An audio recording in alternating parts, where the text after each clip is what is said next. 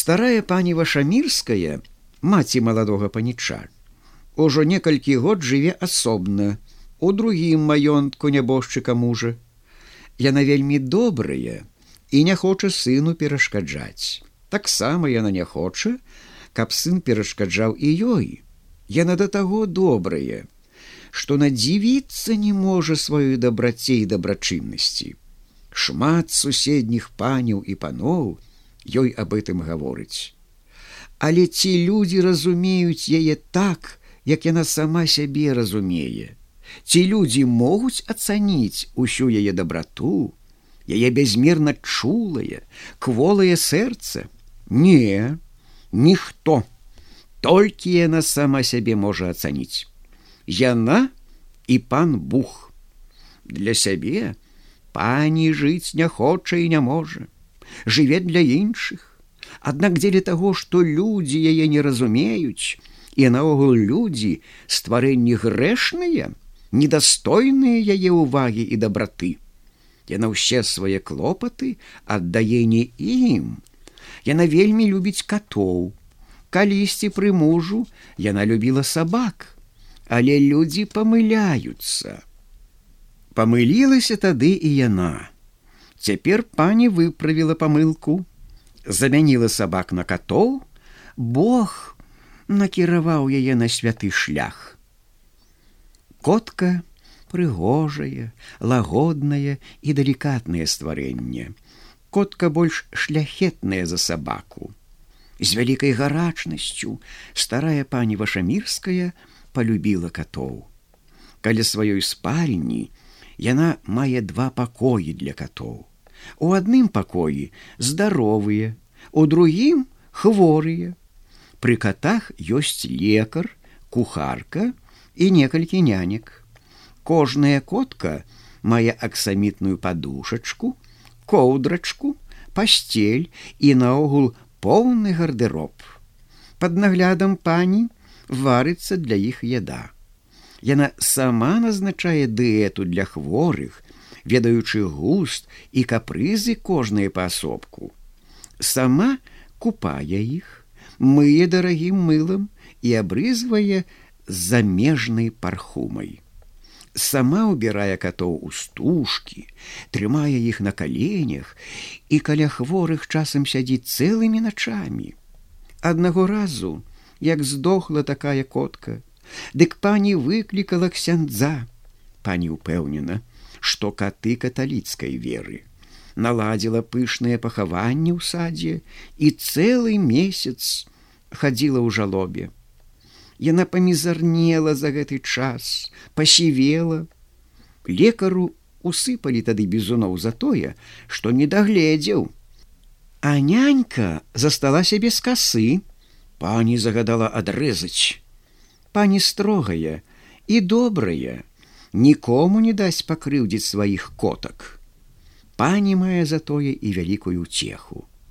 Каты таксама любяць яе спяць з ёю, ходзяць за ёю стадам, лезуць ёй на калені, калі па імені пакліча. Яны не такія няўдачныя, як людзі, і пані вашамірская мае ад іх заслужаную духоўную ўзнагароду. Яна любіць катоў не толькі свайго пансіёна. Часам гатова палашчыць і мужыцкага ката. Яна яшчэ больш шкадуе такога, далікатная шляхецкая істота. А ў хамулы мужикам і шэй ловіць.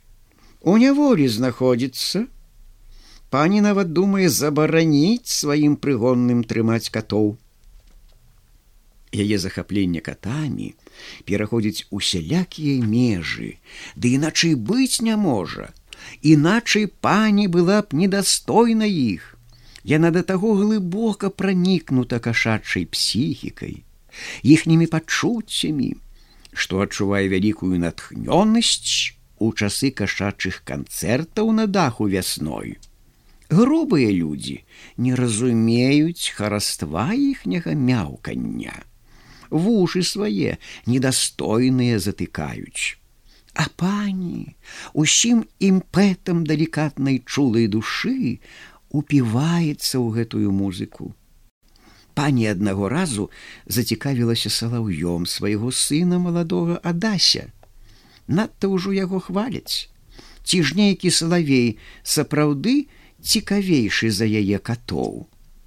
Адась абяцаўся прывесці салаўя. Сягоння яна іх чакае.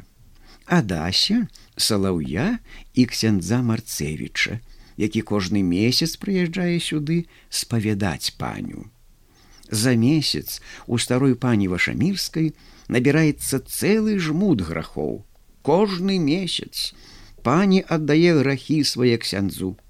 Яна не задумваецца над тым, куды ён іх дзяе, На тое ён духоўнік, Мо ён папе рымскаму у канверце адсылае, Мо самому пану Богу ў руки аддае, не яе справа. Яна ведае толькі адно: Ксёнц дае ёй кожны раз вызваленне ад грахоў, і душа пані застаецца чыстай, як у младзенца. Пасля споведзі яна адчувае лёгкасць бязгрэшнай душы.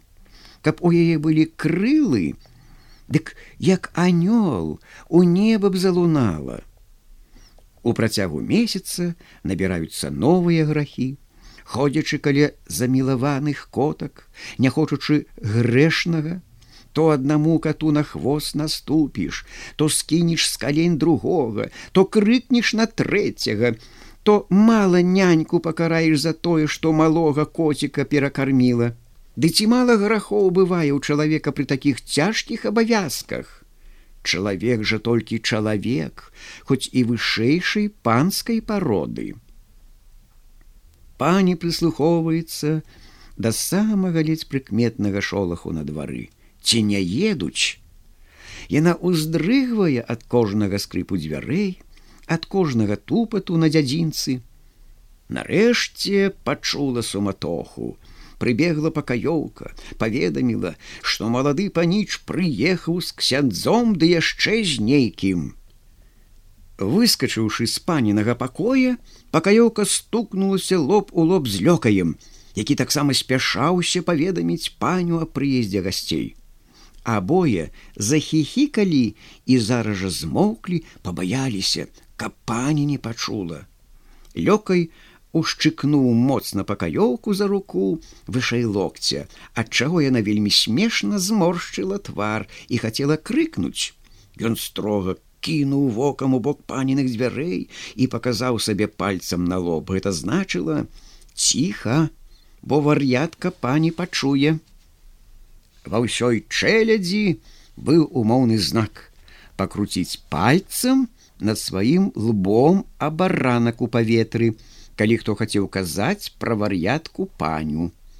Гасцей, сына і ксяндза прыняла ў кашачым самым ганаровым пакоі. Салавей застаўся ў пярэдняй. Паветра ў пакоі для катоў было затхлае, змяшанае з дарагой пахучай пархумай. Пан Вашамірскі і ксёнц Марцевіч ледзь прыкметна моршчыліся і чмыхалі насамі, стараючыся пры гэтым не глядзець адзін на аднаго. Тут адчувалася поўнае панства катоў. На мяккіх дыванах, на шаўковых і аксамітных разнаколерных падушках, каты рознага росту і масці, спацыравалі нячутнымі крокамі, сядзелі і ляжалі ў разнастайных позах. Некаторыя з іх былі падобны да тыграў, некаторыя выглядалі какетліва, як паненкі, поўзалі па падложзе і маленькія, як мышкі кацяняты.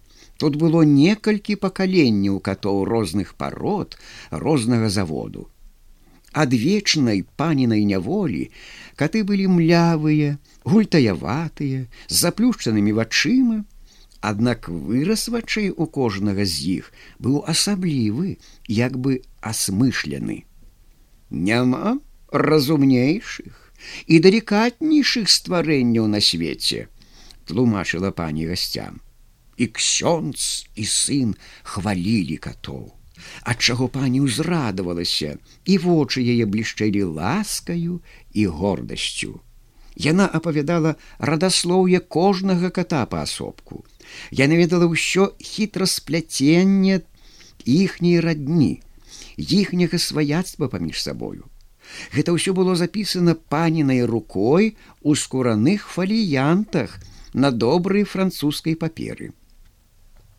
Я навадзіла гасцей ад сцяны да сцяны, на якіх былі развешаны малюнкі катоў у натуральнай велічыні.